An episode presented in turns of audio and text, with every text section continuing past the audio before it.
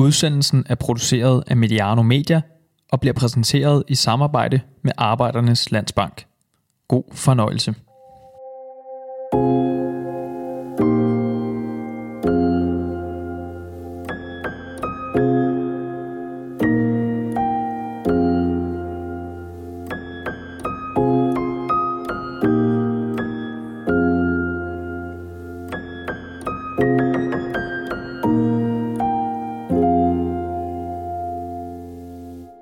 Velkommen til Mediano Fan, vores udsendelser om fankultur og alt rundt om det emne. Mit navn er Sture Sande, og jeg har taget en tur til Herning for at blive klogere på udviklingen på fanscenen for to af provinsens klubber, nemlig de eneste jyske hold, der har formået at vinde Danmarksmesterskabet siden Silkeborg gjorde det i 1994, FC Midtjylland og OB.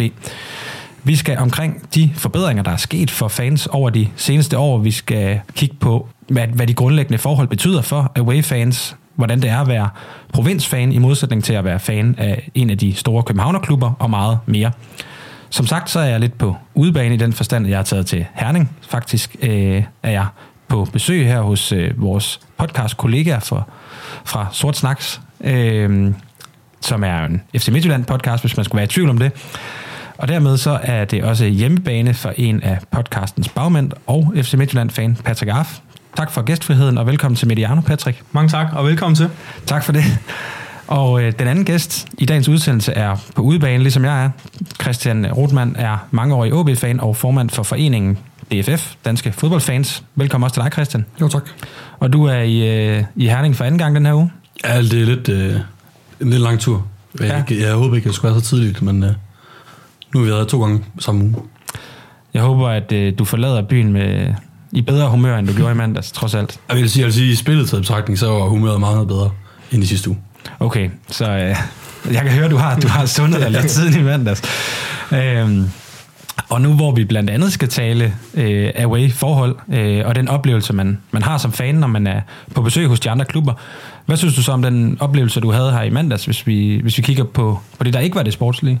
Jeg synes, det er ut- utrolig god, og øh, Herning er jo faktisk et af de steder, også, hvor, hvor nettet måske er bedre, end det er mange andre steder. Og det i særdeleshed gør jo også, at der er en god oplevelse, der var ikke... Som sådan, det var en alt i alt en, øh, en meget god oplevelse. Vi var også, der var to busser afsted for Aalborg, så der var også øh, forholdsvis øh, godt fyldt. Øh, og bare lige for en, for en god ordens skyld, øh, DFF, hvem øh, er du formand for, hvis, øh, ja, hvis der skulle være nogen, der var i tvivl om det?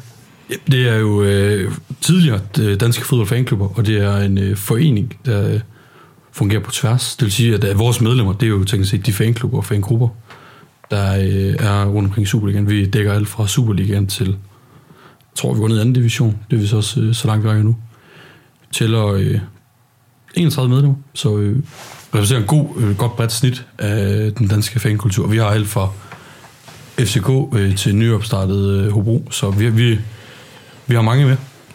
Ja, det er også bare for at, øh, at, at vi er sikre på, at alle er med, øh, hvis, hvis, hvis der bliver sagt noget om DFF. Øh, fordi du har jo sådan lidt i den her sammenhæng to kasketter på, i forhold til, at du både er, er OB-fan og øh, formand for, for foreningen. Øh, udsendelsen her og resten af vores fanfokus er noget, vi laver i samarbejde med Arbejdernes Landsbank, der er Medianos hovedpartner. De var også med, da vi søsatte Mediano Fan tilbage i 2017, og på samme måde så er de med på projektet her igen i 2019. Desuden så dukker der en, øh, en, et budskab op øh, undervejs fra vores øh, forhåbentlig nye partner, landsholdsrejser.dk. Det her det er vores tredje fanudsendelse i 2019, og de første dem linker jeg til i artiklen, der følger med podcasten her. Her indledende, så kunne jeg godt tænke mig at høre om det, der sådan driver jer hver især i, i forhold til det her med at, at gøre mere end blot at tage til hjemmekampe, men også rejse med, med holdet. Øhm, hvor meget, Christian, hvor meget, kræver, hvor meget arbejde kræver den organisering, der skal til for at sende eksempelvis busser afsted? Jeg, jeg er faktisk ikke så meget inde i selve bussen, men det kræver først og fremmest noget også øh, der, der selv. Altså, det kræver et af fanklubben, at der bliver bestilt busser og drikkevarer, og hele den her planings, øh, planlægningsfase, den også bliver overholdt. Og nu, jeg har set med sideløbende, og det er jo et, øh, et eller andet utroligt stort arbejde, folk de ligger i, og sikre, at folk de kan tage afsted til de her udkampe. Men det kræver også selv, at man så rydder kalenderen, og så sikrer, at man kan komme med på bussen og få den her gode oplevelse. Ja, og Patrick, lige herinde vi, vi gik i gang med at optage, der snakkede vi jo netop om det her med, at det er jo faktisk ret bekvemt, at der i mange af klubberne bliver arrangeret de her ture. Altså, øh, hvor, hvor bevidst er du om det i forhold til, at, at, øh, at når, når du rejser med, med dit hold? Jamen personligt, der kører jeg faktisk øh, ofte selv afsted til udkampene, øh, fordi det gør os hurtigere. Øh, men som, som Christian siger, der bliver lagt et kæmpe stykke arbejde i det, og et eller andet sted, jamen, så burde jeg også være bedre selv til, til at bakke op omkring det. Øh, og det der, tage, det der med at tage med på en udebanetur, jamen, det er også det der med at komme afsted med, med drengene, med dem, som man mødes med, og har et frikvarter fra alle de daglige pligter og sådan nogle ting. Øh, og jeg kan jo, altså, jeg, tidligere, da jeg var afsted, jamen der var det jo meget, hvor, hvor jeg kørte med, med busserne og sådan nogle ting, men eftersom mine kammerater er flyttet væk fra, fra området, jamen så mødes vi i byen, hvor, hvor udkampen er i stedet for, og så tager vi den vej øh, på stadion sammen.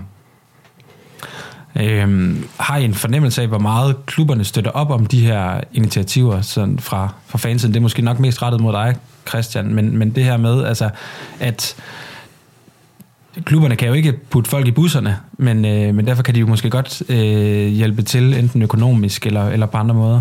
Ja, men jeg tror, det, det, er også det er noget, der gradvist kommer mere med op for klubberne. Også til, at vi nu har vi forsikret den her udebanepakke, hvor vi aktivt gør noget for at forbedre rammerne også på selve afsnittet. Men altså, selve det med at få folk afsted, der er jo flere klubber, der selv har eksperimenteret med at sende busser og også støtte fanklubber økonomisk i, for at vi skal støtte jer, så skal I altså også hjælpe med at få folk på udebane.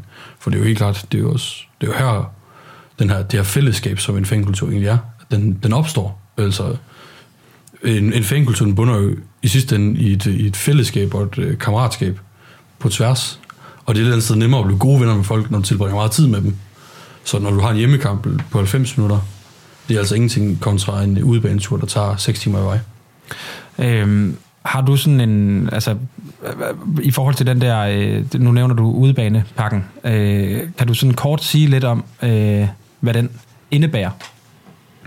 Åh, oh, den indebar flere ting. Øh, mest øh, problemet så har det været det her med, at der skulle også være et alternativ til øh, stadionpølsen. Øh, som det er ofte, hvad man tænker som banalitet, altså det burde ikke være et problem, men det er bare, når man kører så langt, så er der jo ofte ønsker om alternativ. Så er der også, øh, vi har A11-problematikken med, at når man er over 400, så kan du faktisk få lov til at få et afsnit tæt på, øh, tæt på banen. Og så er der, der, er, der er flere sådan lavpraktiske ting, også om den basale information omkring afsnittet. Altså det med, at man kan søge information om afsnittet, om hvordan, hvad kan man tage med ind, og hvordan, hvad er det med parkering. man bare gør livet lettere, både for de fans, der tager afsted, men også den øh, administration, der sidder i den anden ende, og faktisk eventuelt skulle svare på alle de spørgsmål. Og øh, Patrick, altså hvad, i forhold til, til det her med at, at tage afsted, øh, nu nævner Christian nogle af de her ting, som ja, det kan godt lyde øh, meget basalt og, og sådan lidt, lidt ligegyldigt, hvis man ikke selv øh, rejser med. Men øh, altså, kan du ikke genkende til, at det betyder noget, øh, de her ting, som, som han nævner i forhold til Awaypakken? Jamen det kan jeg sagtens. Altså, hvis man er afsted en uge, hvor der er tre kampe i, øh, i samme uge, jamen hvis du er afsted alle tre gange og skal spise frankfurter hver dag, jamen så begynder Frankfurt også at blive lidt kedelig i længden, ikke? Øh, og skal man et eller andet sted til en udbanekamp, og man kører selv, som jeg ofte gør, jamen, så er det også rart at vide, hvor pokker man skal parkere henne. Altså, hvordan kommer jeg lettest om til, til udbaneafsnit og sådan nogle ting. Øh, så det er helt klart noget af det, som, som også er med til at, at gøre tingene lettere for dem, der skal afsted, fordi nogle gange handler det om at prioritere. Og hvis tiden er knap, jamen, så er det fedt, at man ikke skal køre ned to timer for inden, men et eller andet sted kan gå på nettet og se, jamen her skal jeg parkere, og så skal jeg gå direkte på stadion. Det tager 10 minutter øh, kontra at skulle køre ned en time tidligere. Og øh, jeg vil egentlig rigtig gerne øh, sådan, øh, fortsætte lidt i det her med, med øh, den her away-pakke. Altså, der er jo blevet... Øh, der er, der er jo rigtig mange ting at komme omkring i, i forhold til de her fanforhold og, og det, som øh, både er godt og skidt. Øh, og, øh, og det er helt naturligt at tale om de ting, som man gerne vil forbedre, men jeg synes også, det er vigtigt at fokusere på nogle af de ting, der er blevet forbedret. Øh, så det kunne jeg egentlig godt tænke mig at, at starte med at se på det, som ligesom har flyttet sig i en positiv retning. Øh, Christian, altså hvad, hvad for nogle ting vil du fremhæve over de seneste år, som, som nogle af de positive tiltag, der er sket sådan bredt øh, på tværs? Jeg, jeg, jeg tror, det en helt store udvikling, vi skal det er faktisk, at mange kontrollører har, en, eller klubberne har indset, at kontrollørerne også er en del af det servicepersonale, der er på udvalgsstedet. Øh, og der har ofte været den her hårde retorik om, at udbanefans, det var nærmest sådan et, øh, eller sådan nødvendigt onde. Altså, de var der, men du, man ønskede ikke, de var der. Og nu har vi sådan, i nyere tid set, at øh, folk de bliver mere bevidste om, at det handler om at, stage, skabe en, øh, et godt samarbejde allerede, når folk de kommer. Altså, det handler om ikke at starte ud med at være bagud på point et eller andet sted ved at der står en eller anden mukken fyr, og ikke engang hilser dig velkommen, men du skal bare smide din sko og stå på en græsmark. Det, det er i hvert fald for mig er nok det største skift, det der med, at man har forstået, at, at det er en del af oplevelsen. Det handler ikke kun om at skabe gode forhold for ens WebBees egen fans, men det er også noget, du skal tilbyde udholdsfans. Øhm, altså, hvad med sådan noget som, altså er det, er det her good hosting, som man hører talt om øh, sådan i, i flæng, øh, er, det en, er det en del af det? Ja, i nogen grad. Øh, jeg tror også, good hosting er måske også misforstået for nogle klubber, hvor der er nogle klubber, der gør det lidt til en gimmick, altså hvor man sikkert så får i den her lille sjove ting, men funda- de fundamentale ting er der stadigvæk styr på. Og i de sammenhæng, der tror jeg, at øh, der, gør, der gør det ikke noget godt for sig selv, fordi så bliver det bare den her gimmick, og folk ser ikke øh, de forhold til andet. Altså, hvorvidt du får et flag, eller når du går ind, hvis der ikke er noget toiletpapir på toilettet, så er det jo den oplevelse, du går tilbage med. Altså, det er fint nok, at vi kørte det ekstra, men vi er nødt til lige at sikre, at det er fundamentale at styre på det. Hvad er det så, du savner i den sammenhæng? Eller I savner? Jamen altså, vi har stadig problematik med nettet, og nu er det lige Nordsland, der popper op øh, klares, fordi de er også stærkest til at lave de her good hosting-kampagner. Men det virker bare, i min verden, øh, utrolig søgt, at man forsøger at lave den her gimmick, når man ikke kan have styr på de, de mest fundamentale ting, på hvordan at vi kan sikre en god oplevelse. Patrick, du sidder og nikker. Øh, jeg, jeg tænker øh, sådan helt konkret, har du nogle steder, hvor du, altså, og, og det skal jeg jo selvfølgelig understrege i forhold til, til faktisk alle de udsendelser, vi laver i det her øh, format Mediano Fan, at man taler jo på, på vegne af sig selv, øh, og, øh, og de oplevelser, man selv har. Øh, så så der kan jo være mange årsager til, at man har en god eller en dårlig oplevelse et eller andet sted, men, men jeg tænker, altså, det her med, at, øh, at der er, nogle, er der nogle steder, som du synes, det er bedre at tage på away end andre, øh, også hvis vi ser bort, til, eller bort fra, det, fra det sportslige? Ja, hvis vi ser bort fra det sportslige, jamen så inden Haderslev eksempelvis fik, øh, fik etableret deres nye tribune, jamen der var det et forfærdeligt sted at komme ned. Altså jeg kan huske øh, en af gangene, vi var dernede, nu kan jeg ikke huske, hvilket år det var, men det blæste helt vildt. Øh, og det, den øh, reklamebanner, der hang over tribunen, var lige ved at blæse ned i hovedet på folk, øh, og samtidig så øs regnede det. Så man var gennemblødt efter 10 minutter af sådan en kamp der, og samtidig, jamen, så var det grus, man var, man var parkeret på, så man fik også våde fødder og beskidte sko og alt det der. Og det er jo ikke ligefrem noget, som, som er med til at hive folk på tribunen. Øhm, så det, det er en af de steder, altså, hvor, hvor der i hvert fald er sket noget. Og det var også en af de, et af de steder, hvor jeg måske var lidt mere tilbøjelig til at lige at kigge en ekstra gang på vejrudsigten, inden, øh, inden man tog afsted. Øh, så det, det er i hvert fald øh, det negative, hvis man kan sige det sådan. Øh, og skal man så kigge på det positive, jamen, jeg synes jo altid, det er fedt at være i Randers. Og det på trods af, at deres net faktisk er helt håbløst at se igennem. Øh, men det tror jeg måske hænger meget sammen med, at vi altid vinder deroppe. så det, det er måske, øh, måske grunden til, at det er fedt deroppe. Men jeg synes også bare, at man har, en, øh, man har et, godt ud, eller et godt udsyn ud over banen. Øh, man har et stort afsnit, øh, fornuftige faciliteter også. Øh, man skal ikke rende rundt blandt Randers fans for at komme til og fra afsnittet heller. Øh, så det er også sådan nogle ting, der betyder noget for mig.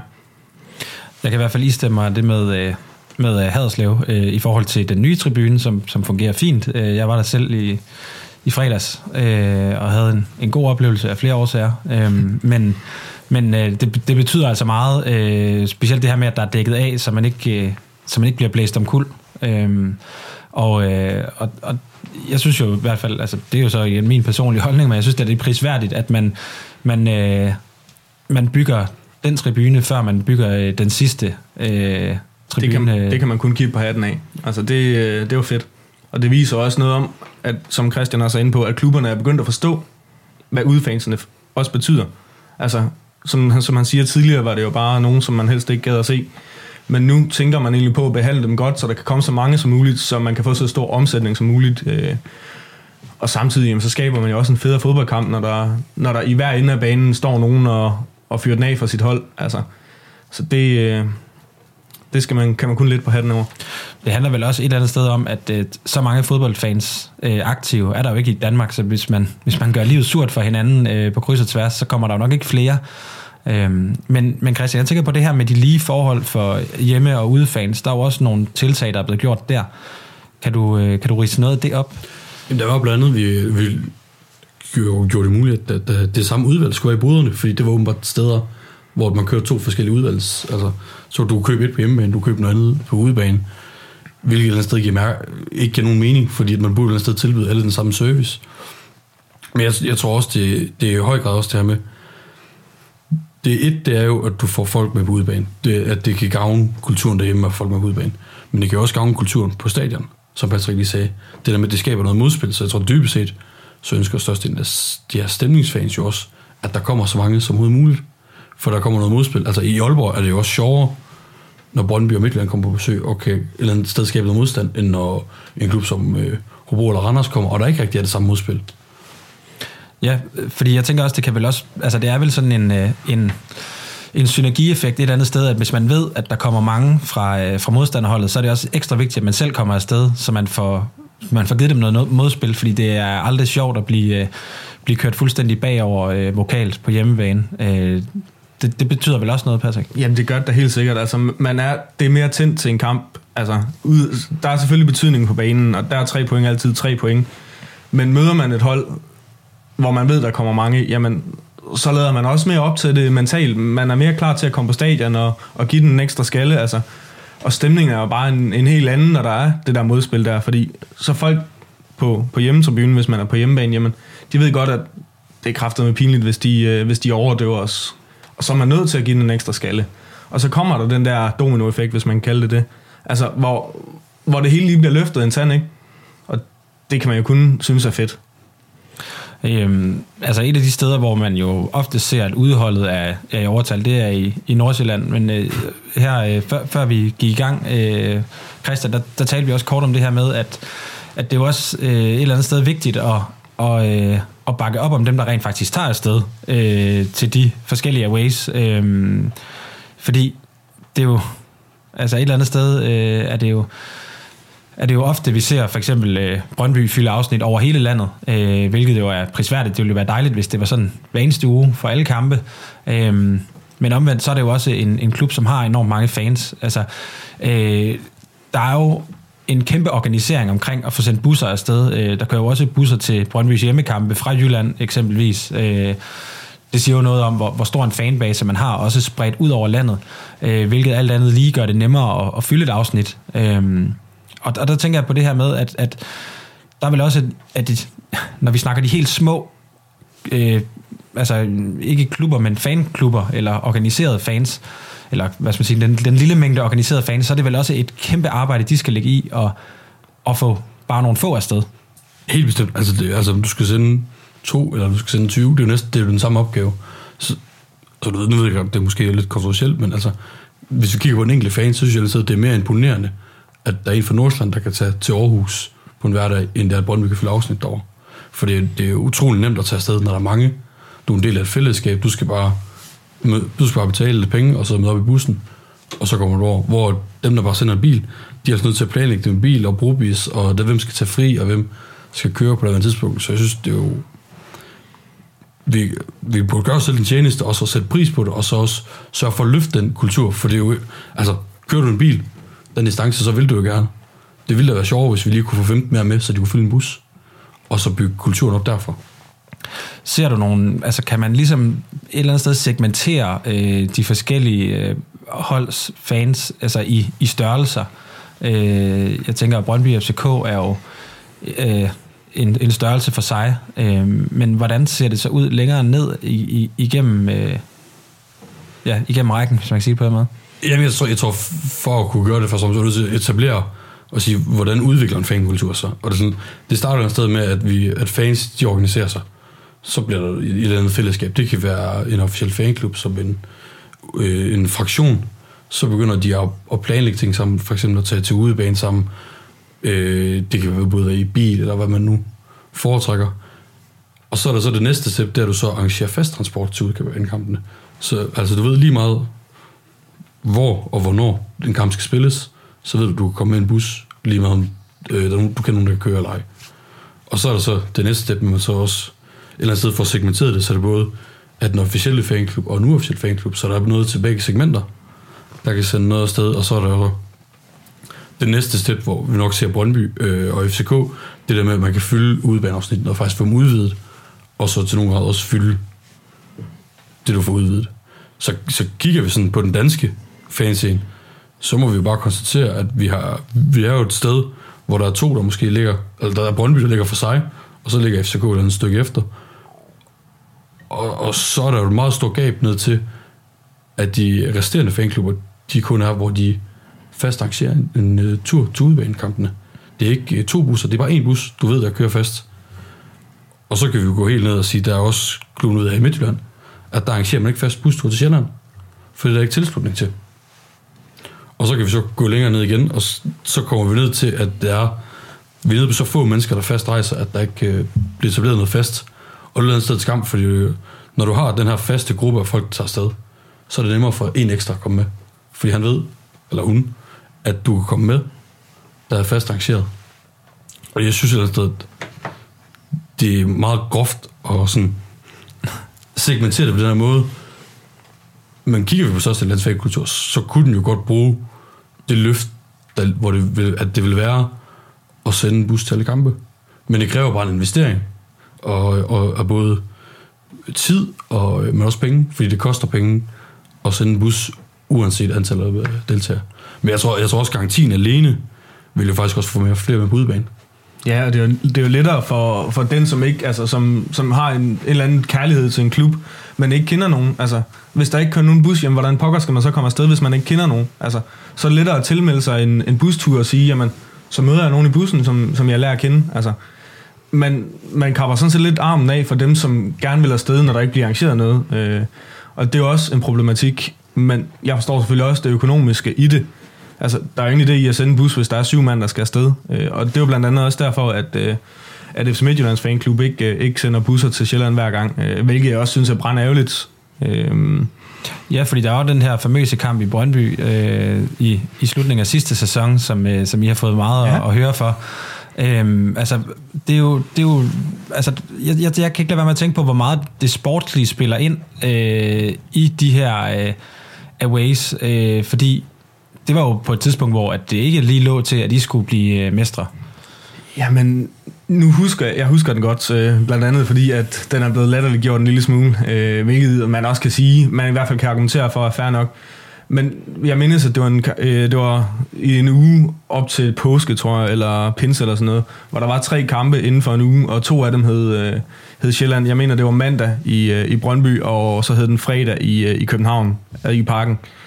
Øh, og så, altså, jeg var ikke selv afsted, øh, fordi jeg havde noget arbejde, der kom i vejen. Og jeg forstår da også godt, at, at folk de ikke tager afsted, og samtidig, jamen, så så udsigterne til et mesterskab, de så ikke fantastisk ud. Øh, så, så det er klart, at, at det er jo ikke noget, som er med til at motivere folk til at sige, jamen nu hiver jeg, nu tager jeg en halv fridag mandag, og jeg er måske nødt til at tage en halv fridag øh, tirsdag, fordi vi er sent hjemme, og så samtidig så skal man have en, en halv fridag ugen, eller sidst på ugen også, for at komme i parken. Så på den måde kan jeg godt forstå det. Øhm. Men tror du, det, tror du, der er noget, der ligger i, fordi at, at jeg, jeg, havde, det, havde det omvendt været scenariet, så har jeg da en kraftig fornemmelse af, at der havde været rigtig mange i, i Herning. Øh, ja, bare det, at der var en teoretisk chance for, at Brøndby kunne vinde noget, så, øh, så skulle man nok kunne fylde et afsnit, tænker jeg. Øhm, Eller to. ja, præcis. Øhm, men, men tror du også, det betyder noget, det her med at opbygge en away-kultur i den enkelte klub? Altså det her med, at man tager, altså, man tager afsted uanset hvad, og det, der kan, det kan jo være det kan være lidt farligt at sige også, synes jeg, fordi at vi kan jo ikke øh, sidde og konkludere, at det er de samme mennesker, som, er, som fylder afsnittene for Brøndby hver gang. Altså, det kan jo også meget vel være sådan, at øh, i og med, at man fylder afsnittet, så er der også nogen, der ikke kommer afsted. Øh, så, så det er jo meget der, der er jo en meget større base at tage af, men, men et eller andet sted, øh, det her med, at man, man skal afsted uanset hvad, Ja, det tror jeg da helt bestemt. Altså, jeg tænker også, nogle af de gange, hvor, hvor vi med Midtjylland har været rigtig mange afsted, jamen, kampen efter vi spiller ude, hvis det er i Jylland eller Fyn, jamen, så er vi mange afsted igen, fordi det er en helt anden oplevelse, når man, når man fylder det udbane afsnit, når man står over 20 mand, altså, eller når man står 100 mand. Og det der med at komme på, på et udbanestadion og, og dominere lydbilledet, jamen, det var noget af det fedeste. Og det er jo... Ja, og hvorfor, hvorfor man så ikke kommer afsted tredje gang, det, det ved jeg ikke, men det betyder helt sikkert noget, at hvis man har været afsted, og det har været, man har haft en fed oplevelse på, på fanscenen, altså lige meget hvad der sker på banen, jamen, så betyder det noget, og man, man har lært nogle nye folk at kende, og det er den der med, jo flere man kender, jamen, jo flere føler man også, man har en forpligtelse over for at komme afsted. Og det er jo, det er jo altså, det kræver mange for at blive endnu flere, øh, og jeg har ikke svaret på, hvordan man, man får udbygget den kultur der, men det har helt klart en, øh, en stor indflydelse på, at man tager afsted næste gang. Og jeg, jeg altså bare sådan fra, fra mit perspektiv set, så synes jeg også, at det er to vidt forskellige oplevelser at tage til fodbold hjemme og ude. Øh, det er, man står lidt mere sammen, når man er ude, fordi man, øh, man ved, at man alle sammen har en, en lidt længere tur hjem, og man er måske lidt... Øh, lidt mindre privat, end man vil være på stadion, øh, eller ja, det som, som man vil så, hvad jeg især kalder for stadion, men ens hjemmebane, ja. hvor man typisk vil tage ud med et par venner eller et eller andet, og så, så er man bare dem, der er sammen. Men på en, på en udebanetur, der kan der være en, en anden form for fællesskab. Øh, kan, du, kan du genkende det? Helt sikkert, helt sikkert. Øh, og det er også fordi, at mange af dem, der tager afsted på udebaneture, specielt hvis det er de der lidt øh, skæve tidspunkter en gang imellem, jamen, det er jo dem, som, som brænder ekstra, eller brænder aller, allermest for holdet, ikke? Og så kan man måske lettere se dem i øjnene, og man føler lige pludselig, at man er mere i samme båd, end hvis man står ved siden af her fra Danmark inde på, inde på CC-tribunen i Herning, eller man gør det i Aarhus, eller man gør det i Aalborg, jamen, så har man den der samhørighed, og samtidig, jamen, så er det også fortallet mod, mod de mange, ikke? Øh, mange steder. Og, og det giver bare noget ekstra at brænde på bålet. Apropos det her med at tage til udbanekampe, så kommer der her lidt info fra en forhåbentlig kommende partner her på Mediano. Landsholdsrejser.dk er en ny virksomhed, der arrangerer ture til danske landskampe rundt om i Europa og resten af verden for den sags skyld. De sender den første bus afsted mod Basel til kampen imod Schweiz den 26. marts, og det er en flok rutinerede groundhopper, der står bag det hele. Og hvis jeg ikke lige havde en højgravid kæreste for tiden, så, øh, så var jeg også at finde på den bus. Turen den koster 1495 kroner, og det ligger fast, at bussen den kører. Det er sådan nogle ting, der er vigtige at have med. Der er afgang den 26. marts kl. 6 om morgenen fra Valby i København, men der vil også være opsamling flere steder i Danmark, blandt andet i Jylland i form af Fredericia, Kolding og Padborg. Så jeg kan kun opfordre til, at man tjekker landsholdsrejser.dk, og så får tilmeldt den her tur, eller øh, turen til Irland senere på året, fordi den er også åben for tilmelding allerede. I forhold til det her med øh, udfordringer, så, så er det jo klart, at, at det er jo tit det, som man kigger frem imod i, i, i det arbejde, I laver i DFF, Christian, øh, fordi at øh, der er nogle ting, som, som er blevet rykket, øh, og der skal rykkes nogle flere. Øh, kan du, altså den største udfordring, I står for, kan, kan, man, kan man tale om en stor udfordring, eller, eller er det mange små, eller hvordan? Jeg ved ikke, altså vi, vi, vi bliver positioneret sådan relativt unikt nu, også igennem det, det tæt samarbejde, vi også har med Divisionsforeningen og andre interessenter, også, også direkte med mange klubber. Så det er ikke sådan, det er ikke fordi, at vi nogen, jeg tror ikke, at vi får en ny away court kamp.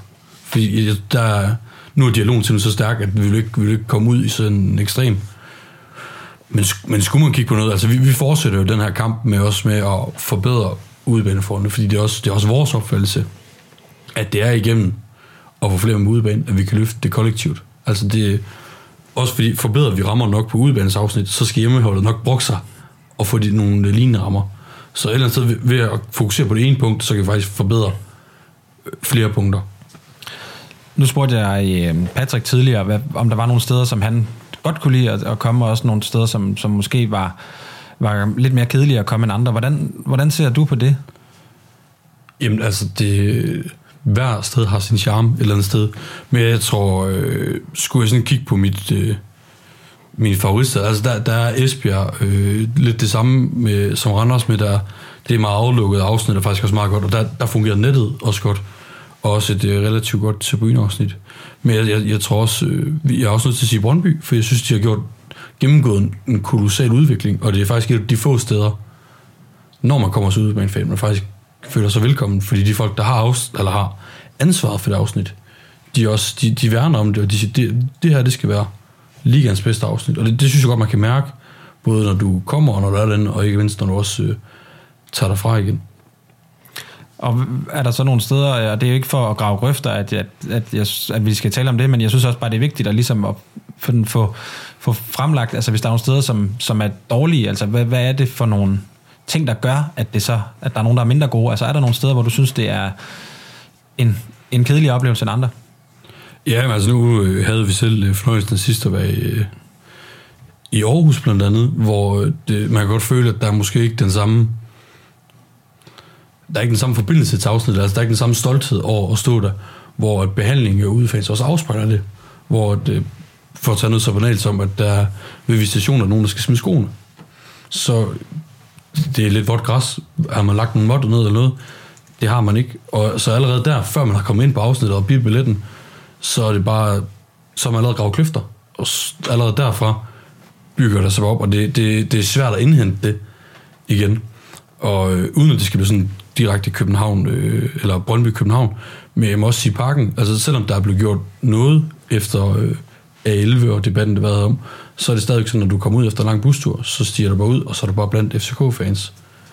Og du kommer, øh, alt efter om din klub vil garantere 400 billetter, så kommer du enten ned på D-tribunen, hvilket er fint nok, eller op på A11. Og alle der sådan, øh, de fleste jeg snakker med i hvert fald, der er 11 ikke en tribune, du gider at sidde i bus i 6 timer for at besøge. Øh, der, der er flere ting. Der er mange, der bruger sig over rygning. Der er folk, der bruger sig over trappen. Der er udsigten, netten, nettet. Altså det, det er sådan lidt en, en øh, bred kamp. Ja, det er klart. Det er jo en diskussion, som har kørt på, på de helt store navler i, øh, i hvad hedder det, i, i DFF-regi også, tænker jeg. Øh. Det er det, og det, det er måske også vigtigt at sige, at vi, vi, også, vi er også nået et, et stykke vej i, i den dialog, men faktum er jo stadigvæk, at når du parkerer i parken, så bliver du sat på en P-plads, og folk de bare nærmest går ud og møder en FCK, og det kan måske være det kan være relativt træls som udefan at møde, hvad nærmest være domineret af hjemmeholdet, allerede når du i bussen, og der, der virker det godt, når man som i Esbjerg, Brøndby og Anders har det der fuldstændig lukket område, hvor man sådan lige kan få lov til at ruste turen af sig. Men Patrick, kan du, øh, kan du genkende det, at, at øh, nu snakker vi godt nok om, om øh, ikke så mange i, i Brøndby før, men, men alligevel, at der, er, at der er forskel. Altså det handler ikke nødvendigvis om klubbernes øh, ressourcer, eksempelvis, altså øh, uden at jeg skal gå ind i, i det sådan helt på, på øh, hvad skal man sige, sådan helt ned i detaljen, så, så går jeg ud fra, at, at FCK og Brøndby har, har begge to rimelige ressourcer at sætte af til, til den del. Øh, der er måske nogle andre klubber, som som kan være lidt hårdere ramt i forhold til, nu tænker jeg for eksempel Helsingør sidste år eller sådan noget. Det, det er lidt nogle andre, det er lidt en anden størrelse. Jo, det kan jeg sagtens, altså, og, og jeg kan også ikke genkende til det, Christian siger. Altså, i Brøndby vil man fans.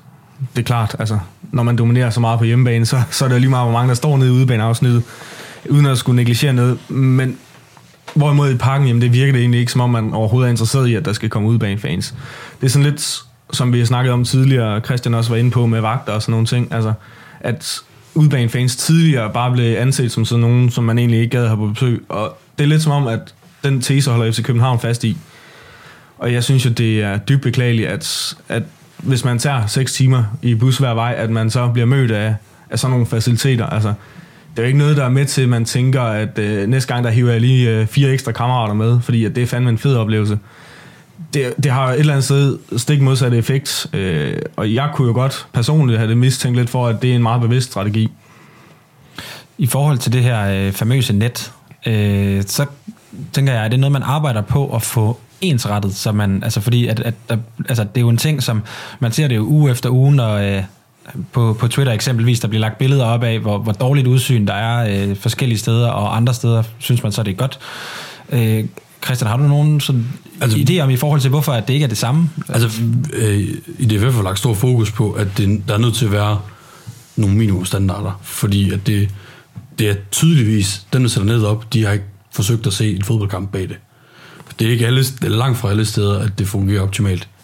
Øh, der er få steder, hvor det virker, og hvor vi også har været inde og sagt som interesseorganisation, det her, det, det, det er den her, I skal kopiere rundt til alle sammen.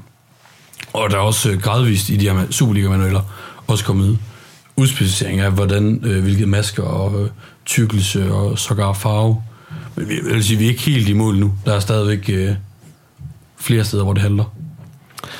Så er der selvfølgelig også øh, en stor øh, faktor i det her med spilletidspunkterne. Øh, det kan jo gøre det rigtig svært for medrejsende fans, øh, ikke mindst for, ja, for de fans, der skal rejse langt. Øh, og, øh, og her kunne jeg godt lige tænke mig at smide nogle, nogle tal øh, på bordet, øh, fordi det er jo, der er jo også en tendens til, at det er meget de samme klubber, der bliver ramt af de her øh, knap så attraktive øh, spilletidspunkter. Øh, og her der skal jeg huske at takke øh, Robert Hentel øh, for de her tal. Øh, det er noget arbejde, han har lavet, og jeg vil også linke til hans øh, grundige arbejde i artiklen her. Øhm, og det her det er så nogle tal fra 17-18 sæsonen, øhm, som er fra ja, hele sæsonen.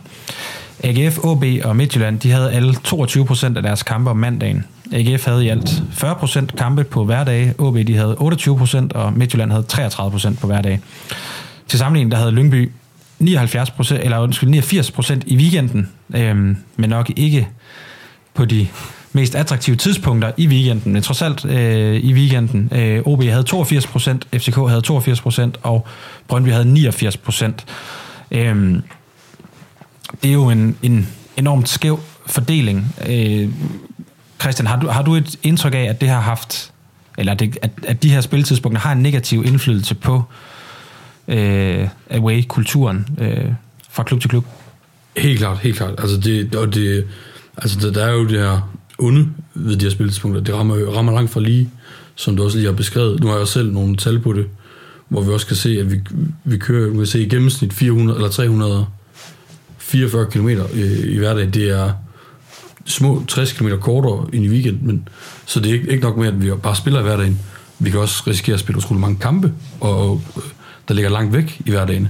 Nu øh, husker jeg nogle for nogle år siden, øh, hvor OB åbenbart havde med en, men når man spille på Sjælland, og møde andre hold end øh, FCK og Brøndby, så det var mandagen. Det var lige meget, om det var i øh, Lyngby, øh, Rosk, eller ikke i Roskilde, Vest, Vestjylland Nå, ja. og Hesse. Okay, ja. ja. altså, vi har haft, der var en periode, hvor vi var to gange på Sjælland, to mandage i træk, hvor det var sådan lidt, det kunne man godt have set på at ændre, fordi at du tager videre en hel arbejdsdag ud. Du skal køre for Aalborg kl. 12, og du er hjemme igen klokken 3-4 stykker, hvis det er rigtigt. Så du kan, du kan ikke arbejde efter kl. 12, og du er nok heller ikke frisk til at møde dagen efter kl. 8. Så man skal også et eller andet sted... Det er jo, det er jo nødvendigt uden. Der skal ikke være nogen tvivl om, at mandagskampen er jo et eller andet sted dansk fodbolds guldfugl, for der er ikke, der er ikke så meget konkurrence på tv-markedet, og det, det er bare en kamp, der genererer godt. Der er mange seere, der er mange tilskuere. Det kan hænge sammen med, at det er på en hverdag, så loungerne, de er nok godt fyldte med sponsorer og hvad de nu har fået trukket med ind. Men der, der, der, der er jo nødt til at være en eller anden, nødt til at være en eller anden fornuft i, hvilke kampe der spilles for når. Altså, du, jeg kiggede før på og sagde, hvis det var over 100 km, så kunne du lige så godt lade være. For du vil bare, du vil ramme udbanekulturen øh, ved at ligge de kampe der. Fordi vi vil ikke, folk har ikke tid til at tage afsted. Og vi kan heller ikke, vi kan ikke kræve, at folk tager en fridag for hver eneste fodboldkamp. Nej, altså Patrick, sådan helt konkret, altså for dig som, som fan, øh, mandagskampe, hvad, at, hvordan, øh, hvad skal man sige, hvad, hvad, er, hvad er det for nogle problemer, der er ved dem, øh, og hvordan adskiller det sig faktisk, altså eksempelvis fredagskampe, er det, er det en forskel, eller, eller er det hverdagskampe i det hele taget, der er et stort problem? Jamen, fredagskampe er bedre end mandagskampe, fordi du har fri dagen efter, og det problem, Christian beskriver med, at man er hjemme klokken ja, sent, på, øh, sent på natten eller tidligt på morgenen, jamen du har i hvert fald ikke det problem, der hedder, eller problem, men du har i hvert fald ikke det, der hedder arbejde dagen efter, du er nødt til at stå op til. Så det er lettere at tage afsted en fredag aften, fordi mange alligevel tager i byen en fredag aften og hygger sig med kammeraterne. Det kan man lige så godt gøre til en fodboldkamp, som man kan gøre det på den lokale bar eller pub eller et eller andet. Men mandagskampene generelt, jamen, jeg hader dem for at sige livet. Altså, jeg var, vi sidst, øh, ja, vi har spillet de sidste to mandage nu. Øh, den ene var i, i Jørgen, der har vi to timer og 20 minutter hver vej. Der er kampstart klokken, klokken, klokken 19.00. Så er kampen færdig klokken 9, inden man er ude af stadion, så er den halv 10. Og så er man igen over midnat, ikke? Og det er ikke den fedeste måde at starte sin arbejdsuge på, og, og være helt smadret tirsdag og gå lidt tidligere om mandagen. Så det har jo en helt klar en, en negativ indvirkning på, hvor mange der kommer afsted, og, og også på oplevelsen af, når man så er afsted, fordi der er ikke lige så mange, og som vi har snakket om tidligere, jamen, så er det federe, når man er mange afsted. Så det bliver jo sådan en negativ spiral. Øhm, men skal jeg tage fanbrillerne af, så kan jeg da også godt, når klubberne har, har givet tv-selskaberne så meget magt, jamen så kan jeg da også sagtens forstå, at de vælger at lægge kampe mandag, fordi det er dem, man ser. Altså, det er der, man har tid til at sidde og se en fodboldkamp en mandag aften. Det er ikke hver lørdag, man har tid til at sidde og kigge den. Øh, så så jeg, jeg kan godt se ideen i at gøre det. Jeg kan også godt forstå, hvorfor det bliver gjort. Men, men jeg synes jo, den helt store udfordring her er, at klubberne har givet har prostitueret sig selv et eller andet sted, og, og givet tv-selskaberne så meget magt, at de kan bestemme hvem, og der er ingen kvoter, som, som I begge to også er inde på, jamen, den kan hedde tre mandag i træk for FC Midtjylland eksempelvis. Det kan den også hedde for OB. Og, og det dur jo ikke, og slet ikke, hvis, hvis jamen, det er en kamp i farven. Altså, der er virkelig langt. Skal der være mandagskampe? Jamen, så synes jeg, det Christian han, han er inde på der, jamen, det, det er noget af det, man skal kigge på. Fordi, jamen fint nok, en mandagskamp i Aarhus for FC Midtjyllands vedkommende, jamen, jeg bor i Ikast, jeg har kvarter 20 minutter på MSH Arena, og til Aarhus har jeg 40, 45 minutter, måske 50. Altså, så kan det måske godt veje op og sige, jamen så er man hjemme klokken 11 i stedet for halv 11, eller man er hjemme klokken, klokken 10 i stedet for, eller øh, klokken halv 11 i stedet for klokken 10, ikke? Og så kan det måske godt forsvares, men, men man har også et ansvar over for sin arbejdsgiver, sådan en tirsdag morgen, eller ja, tirsdag morgen, og, og man kan heller ikke gå tidligere hver mandag. Så skal mandagskampen ikke, altså skal de være der, så skal der i hvert fald laves et eller andet, så, så det bliver mere færre og, og strømlignet. Øhm, hvordan ser du løsningen på det her, Christian? Fordi det er jo, altså, jeg, jeg tror også, at man, øh, man er naiv, hvis man, hvis man tænker, at, at øh, jamen, vi skal bare tilbage og spille øh, samtlige kampe søndag kl. 15. Øh, det er sådan en det er sådan et tidspunkt, som jeg tror, vi alle sammen husker, øh, men det, øh, det må vi nok erkende, at det hører, hører fortiden til. Ja, men så lige for ret, jeg, jeg mener faktisk, der er kommet nogle regler, nu så jeg jeg kunne finde dem.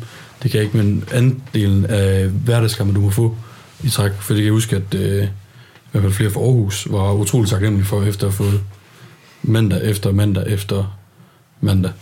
Øh, jeg ved det i hvert fald, at AGF slutter af med, med, med fire mandage her i efteråret. Ja, øhm, nu, nu glemmer jeg dit spørgsmål. Ja, men det er jo det her i forhold til, til løsningen på, altså hvad, hvad, hvad, hvad du ser øh, i, i forhold til, at, at, at fordi at, at de her mandagskampe, eller hverdagskampe, og særligt mandagskampe, er jo nok noget, der er kommet for at blive. Øh, eller, eller køber du overhovedet den? Det, det tror jeg nu nogen grad, det er. Altså som jeg beskrev før, så er det, så er det guldfuglen for dansk fodbold. Der, men der er jo det her grundlæggende problem, det er, dansk fodbold der er jo bundet op planlægningsmæssigt på et døende format, altså Flow TV, det er jo det ultimative, det, det handler om. Der, det er som om, det er ikke, rigt, det er ikke gået op endnu for øh, hverken øh, divisionsforeningen eller udbyderen, at der findes noget, der hedder stream, så man kan godt streame flere kampe på samme tid. Øh, det er bygget op meget op i kasseform med, at det skal være sådan, du kan sidde og se fodbold fra klokken 12 en søndag til klokken øh, 20 og, det, og der, har man, der har man sådan låst sig selv mere end godt er, og så ligger den her øh, lørdagskamp, som der er ikke rigtig nogen, der vil have, men et eller andet sted, den er mere attraktiv, end du får søndag kl. 12. Så jeg tror også, for at sikre dansk fodbolds overlevelse, så er man også nødt til at sige, godt, vi er nødt til at et eller andet sted, og så ofre noget af den kortsigtede profit, som der er i tv-aftalen. Helt nøgtigt, de sætter rekorder hver eneste gang, de skriver ny. På at sige, vi, vi er nødt til at få skabt en kultur, så vi kan få flest mulige folk på stadion, og et eller andet sted også få grebet fat i den næste fodboldfan. For det største problem nu, det er jo, at vi kan spille mandag aften, og øh, vi har de her sene kampe, blandt andet mandag og også øh, fredag. Nu har vi også fået flyttet fredag 20, øh, 2015-kampen. Men bare, hvor man allerede der, der er jo alle børnefamilier. Du, du, kan jo ikke, du kan ikke tage dem med, du vil jo ikke tage tage dine børn med øh, til en eller anden øh, sen fredagskamp, for, eller øh, mandagskamp, de skal op næste dag, og I har faste programmer med, hvornår I skal, I skal i seng, sikkert. Ja. så, så, så man, man, man, er, man er nødt til at sige, hvad er vigtigst? Er det vigtigst, at man kan få profit ud af en tv-aftale nu, eller er det vigtigst, at man strukturerer en aftale, således at vi tillader flest muligt at komme på stadion for langsigtet og, og have et produkt, der er værd at sælge. Og det er jo lidt den her høne og lægget diskussion. Er det vigtigt, at der kommer folk på stadion, eller er det vigtigt, at folk der sætter en tv, eller følges de nogenlunde af?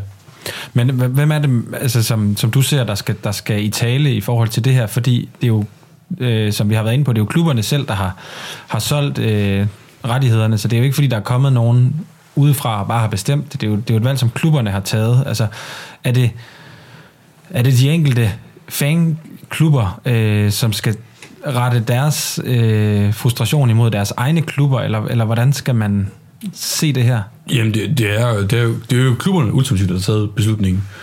enten ved at stemme om det, eller så igennem deres medlemskab i divisionsfølgning. Den, altså divisionsfølgning handler jo kun på vegne af klubben. Den har jo ikke som sådan nogen selvstændig agenda.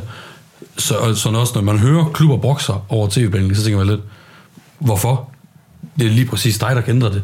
Du, du burde da ikke brokke dig her. Du burde jo sætte dig ind i forhandlingen, skal der gøre noget. Så jeg tror, altså jo bedre og mere intensivt, vi som fans kan påvirke klubberne og sige, I er nødt til at ændre det her. Jo større sandsynlighed vil også være for, at det ændrer det, og, og de faktisk gør det til noget bedre. For vi skal huske på, ultimativt, selvom øh, der bliver snakket om øh, langtidssigtede planer, så arbejder de fleste jo ud for en eller 1000 dage max. Altså, du ser 1000 dage frem, og det er det.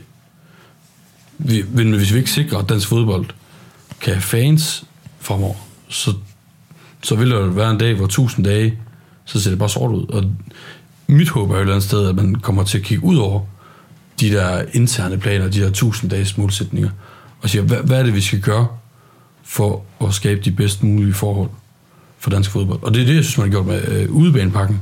Nu skal det så også bare, nu skal vi flytte den til planlægningen. Men kunne man forestille sig en koordineret aktion sådan på tværs af, af fanklubberne, eller er det, er, er det svært, fordi der er nogen, som nærmest ikke er ramt af det, og derfor så øh, måske er lidt ligeglade? Øh, og i sidste ende vel også øh, kunne risikere, at deres klub mistede noget ved, at man indgik en dårlig aftale, øh, fordi, øh, fordi hvis man så fjernede mandagskamp for eksempel, eller hvad det nu måtte være, øh, jeg, jeg, jeg, jeg tror i, i høj grad, at, at det, det er en ulige kamp, og det er noget, der vil koste penge. De to faktorer alene vil bare gøre folk, de siger, nej, ikke, øh, det bliver ikke med vores støtte. Så jeg tror, det, det, det er svært at få den der, den der øh, nej til away court sammenligning i den her sag, fordi det kommer, det vil koste penge på den korte bane. Og hvem er det, der vil svække sig i forhold til konkurrenterne? Både nationalt såvel som internationalt. Det, jeg tror ikke, jeg tror hverken Midtjylland eller Brøndby eller FCK tænker, færre tv-penge, det lyder sgu da som en knaldgod idé. Nej, og det er jo lige præcis der, der, der, der kommer et, et, ja. et, et uh, problem ind i, i billedet, uh, også sådan mellem uh, klubberne, kan man sige. Uh, sådan i det store fodboldmediebillede, der kommer det jo ofte til at handle om Brøndby og FCK. Øh, sådan er det også til tider på Mediano, det skal jeg slet ikke lægge skjul på. Øh, det er også indiskutabelt de, de største klubber i Danmark. Øh, men Patrick, har du også indtryk af, at det, sådan, det forholder sig på, på fansiden? Altså nu, fordi det, jeg nævner før, det er mere sådan på det sportslige, tænker jeg. At, men, men på fansiden er det også hvad skal man sige, meget historierne om de to klubber, synes du, der kommer til at, at fylde? Ja, det, det er det i hvert fald. I, i, altså nu, nu kan vi tage den her berømte A11-diskussion. Altså den fylder jo meget i forhold til FCK på fansiden. Øhm, og det er klart, de har flest fans. Altså, begiver du ud på Twitter, jamen nogle gange er det jo håbløst, og du kan tage Alexander Sornings, Sorningers fyring. Altså, jeg, jeg har aldrig set så mange kommentarer om, om noget så ligegyldigt et eller andet sted. Altså, med mine briller selvfølgelig. Øh, selvfølgelig er det ikke ligegyldigt, at de har fyret deres cheftræner, men de fylder meget. Altså, og specielt Brøndby-fansene, og specielt på Twitter, der fylder de meget. Øh, men det er ikke nogen jeg, nogen, jeg sidder og snakker med mine kammerater om. Øh, så på den måde er det ikke noget, som fylder så meget. Jeg vil gerne lige understrege også, at det er ikke fordi, det handler om at jeg tror også, jeg har sagt det en gang tidligere, men det handler ikke om at grave grøfter, men, øh, men det er mere i forhold til sådan at, at få tegnet et billede, synes jeg, af, af, af hvad skal man sige, fanlandskabet, og det er også derfor, at, at jeg har øh, fået jer to i tale, fordi jeg synes, det er enormt vigtigt også for vores øh, fanprojekt her på Mediano, at, øh, at vi kommer så, så langt rundt, som det overhovedet er muligt. Øhm, jeg tænker sådan noget som, øh, og, og man kan sige, pokalturneringen er jo, øh, det kan jo være en diskussion i sig selv, men øh, Patrick, er det ikke et eller andet sted en demokratisering, at, øh, at man har den her diskussion nu om, at, øh, at, det, kan, at det kan flyttes, eller finalen kan, kan flyttes udenfor parken eksempelvis. Øhm, ja, altså lige nu der er det Esbjerg, Aarhus Brøndby, øh, der er i spil for uden parken. Jo, jo, men selvfølgelig er det. Altså, og, og hvorfor skal den spilles derovre hver gang? Altså, der, der er argumenter for, at det er det største stadion i Danmark, det er, det er nationalarenaen og sådan nogle ting. Men har du en pokalfinale mellem, ja, nu slynger vi bare to hold ud, altså vi siger Nordsjælland og Randers eller et eller andet, jamen hvorfor skal den så spilles i parken, hvis du ved, at den ikke bliver fyldt? Altså, der er ikke noget federe, federe end et fyldt fodboldstadion. Det, det er jo det, der tiltrækker ser også, at, at stemningen er der. Og det er klart, hvis der er 20.000 tomme sæder, jamen så får du ikke lige så fed oplevelse, som hvis der er 0 tomme sæder. Så jeg synes jo, jeg synes jo, det er en debat, der er vigtig at tage. Men jeg kan, jeg kan også se det fra begge sider, fordi Aarhus, jamen, der har løbebanen, som, som AGF selv, som du sikkert også øh, er svært utilfreds med. Jamen, hvorfor, skal, hvorfor er, er det stadion så lige pludselig godt nok til, til en pokalfinale? Altså, Det er i hvert fald en øh, kuriøs diskussion. øh, lige præcis omkring, øh, omkring Aarhus. Men øh, Christian, hvordan ser du det her med, at man, man overvejer det her? Altså, hvordan tolker du det? Øh, ser du det udelukkende ud fra sådan et, at, at, som, en, som en revitalisering af, af pokalturneringen, eller, eller føler du også, at der er noget i det sådan på fansiden? Men Altså, jeg tror, min umiddelbare tanke var jo et eller andet sted, at jeg kunne godt forstå, at man ville melde det ud et eller andet sted, nu når sådan, selve ledelsen af, divis- pokalturneringen er flyttet over til divisionsforeningen. Fordi tidligere har det været sådan, at man har besluttet stadion, og så har man forhandlet om prisen af produktet. Hvor nu, nu vender man lidt det hele lidt på hovedet og siger, hvad kan I egentlig tilbyde? Og på den måde kan man også måske udfordre den pris og det produkt, du får leveret i parken. For jeg, jeg synes stadig, at øh, pokalfinalen burde spilles i parken. Det er det mest oplagte sted, og det er nationalarenaen, og der er gode områder rundt omkring til fans. Jeg kan også godt forstå øh, pointen med, at hvis der kommer 4.000 mennesker, så er øh, parken måske ikke det mest optimale stadion. Og så giver det jo selvfølgelig en bedre oplevelse, at man er på et stadion, der er bedre tilpasset til den mængde tilskuere, der kommer. Men min umiddelbare tanke, det var, at jeg synes, det er også, det er også godt nu for at ryste lidt op i, at man ikke, øh, at man ikke bare spiller i parken, fordi det har man altid gjort, og man ikke bare man ikke sidder fast i mønstre og ikke udfordrer dem.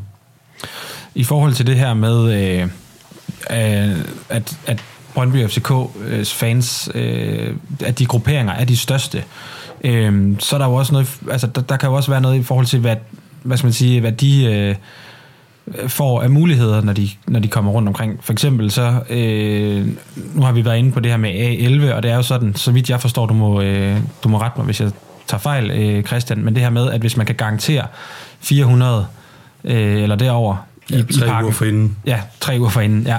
Øh, så, kan man, øh, så kan man anmode om at komme på indetribunen, som er D-tribunen, øh, som var der, hvor udefansene stod i, i gamle dage, øh, hvis man kan kalde det det.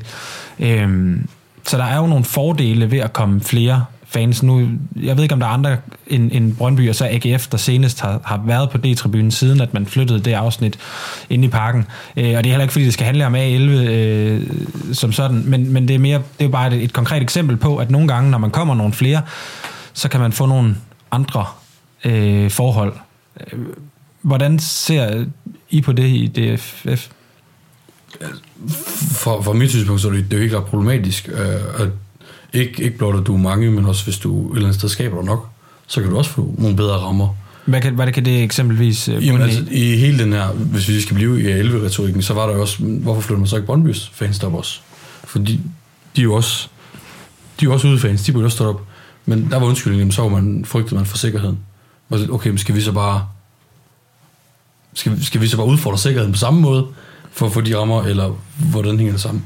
Men jeg tror, der, der, er, jo altid, der er jo altid styrke i, styrke i antal, og jeg tror også, vi ser, når, der- når der er få, øh, få fans afsted kontra mange, så også øh, den måde konflikter håndteres på, ændres også radikalt. Fordi at, altså, al, al erfaring sker jo på, at det er dårligt at angribe problemerne direkte, øh, øh når de opstår. For eksempel, hvis der er en, der laver et eller andet tosset. Lad, lad os sige, fyre pyrolyser. Så i stedet for at lade ham øh, fyre det af og sluk, og lade det blive slukket, så kan man finde på at jage direkte op imod ham, og så faktisk forværre situationen og gøre det mere farligt, end reelt set er. Og den der, den der logik og tankegang og fornuft, det er som om, at den glemmes nogle gange, hvis man har få. Det vil sige, at du, du oplever, du, det er også to forskellige oplevelser, ikke nok med, at der, der er bedre stemning, når du er mange, men, men du kan også opleve at blive behandlet dårligere, fordi at, ja, I er 20, og hvad så? Altså, hvad, hvad vil I gøre? Vi er, vi er 20 vagter, hvor det, det er lidt anderledes, når forholdet hedder 2100. Patrick, du nikker. Øh, jeg tænker, at det måske også har noget at gøre med, at, at I oplever med, med Midtjylland, og nogle gange være mange, og nogle gange ikke være så mange. Så I prøver ligesom begge dele. Jo, men altså, nu, nu tænker jeg, der tidligere har der været meget polemik omkring de, de berømte Aros-vagter. Øhm, og ikke for at bringe den decideret op, men nu kan jeg huske det. Altså, vi var i Horsens en gang, og vi har nok, det er tilbage i ja, hvad har det været, 2008-9-10 stykker. Og vi var ikke så mange i Horsens på daværende tidspunkt, øh, og der var en, der fyrede et øh, romerlys af dernede, og straks så kom der flyvende øh, fem arsvagter med, med deres berømte cykelhandsker på, ikke? Øh, og det eskalerede og blev, øh, blev et slagsmål, og jeg tror, det resulterede i en 8-10 karantæner øh, til, til Midtjylland-fans. Hvorimod, jamen sidst vi var i, i Horsens, og der blev fyret pyre af, jamen der blev ikke gjort noget, fordi der var vi lige pludselig så mange, at de vidste, hvis vi angriber, eller hvis vi prøver at gøre noget, jamen så, skaber der en kon- så skabes der en konflikt, og det kan i, i sidste ende resultere i, at det går ud over os og uskyldige. Så på den måde kan jeg bare se en udvikling med, med mine egne øjne, og det jeg selv har været igennem. Eller været igennem, det måske, det lyder så alvorligt, men, men hvad, hvad jeg selv har været med til at se i hvert fald. Og, og hvad, er det, det, er jo, det er jo, jeg tænker, det er jo, det er jo både, øh, altså det, det er vel problematisk, at man øh, alt efter størrelse øh, af, af, af grupperingen kan, kan tilsvinge sig nogle andre forhold, eller nogle bedre forhold. I høj grad, men jeg, jeg tror også, man skal også nogle gange lige også adskille mellem, øh, mellem hvad, hvad, hvad typer af restriktioner, for når folk de fyrer lad os sige, i, øh, øh blandt Brøndby's fans, så er der jo også video, og så er det jo det er nemt at pille folk på vej ud. Man ser det bare ikke lige så direkte, men det skaber heller ikke det samme farmomenter, og du optrapper heller ikke konflikten et eller andet sted. Vi, altså jeg har flere gange oplevet, hvor der er, der er måske en fan, der, der skaber et problem, og det er der en vagt, der reagerer på, på vej op til at, at tage hånd om den situation, så skubber han bare til fem andre, som ikke skabte problem før, men nu er de sur på vagten. Så det handler også det handler om, at der skal være den her forståelse for det, jeg tror også igennem kontrolløruddannelse og også de nye sikkerhedsuddannelser, og folk de bliver også blevet bedre til at forstå, altså det, det er basalt crowd management. Hvordan, hvordan, hvordan kan du sikre, at øh, situationen ikke eskalerer? Og det tror jeg, historisk set, at der er rigtig mange, der har glemt. Og man, vi bliver heldigvis klogere og klogere, men vi ser altså, jo flere du er, jo hurtigere går den læringsproces.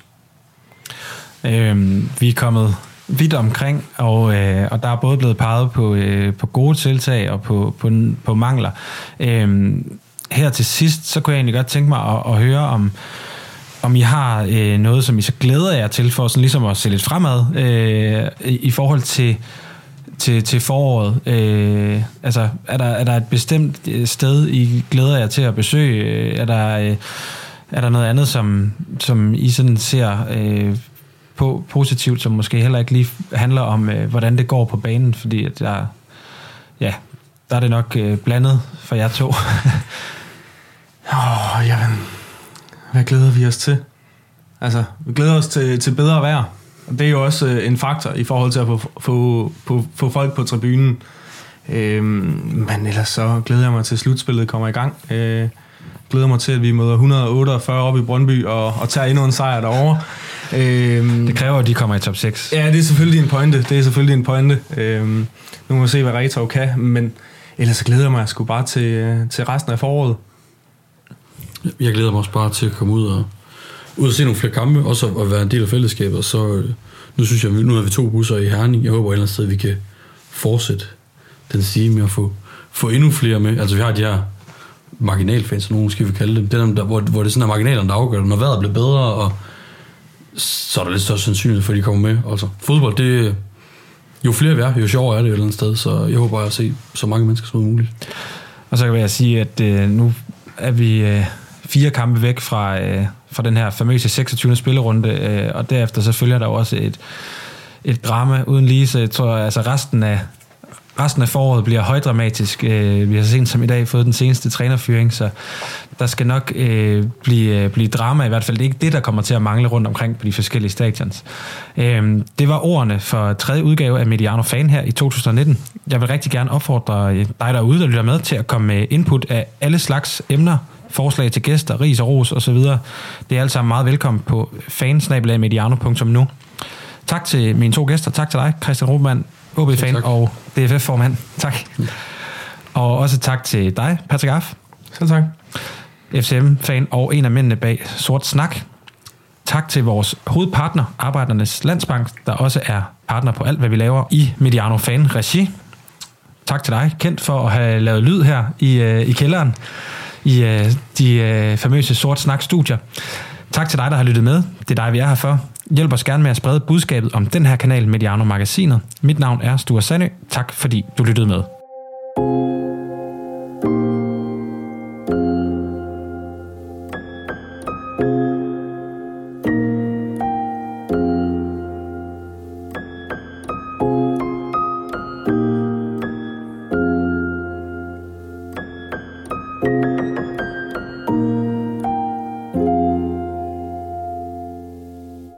Udsendelsen var produceret af Mediano Media og præsenteret i samarbejde med Arbejdernes Landsbank.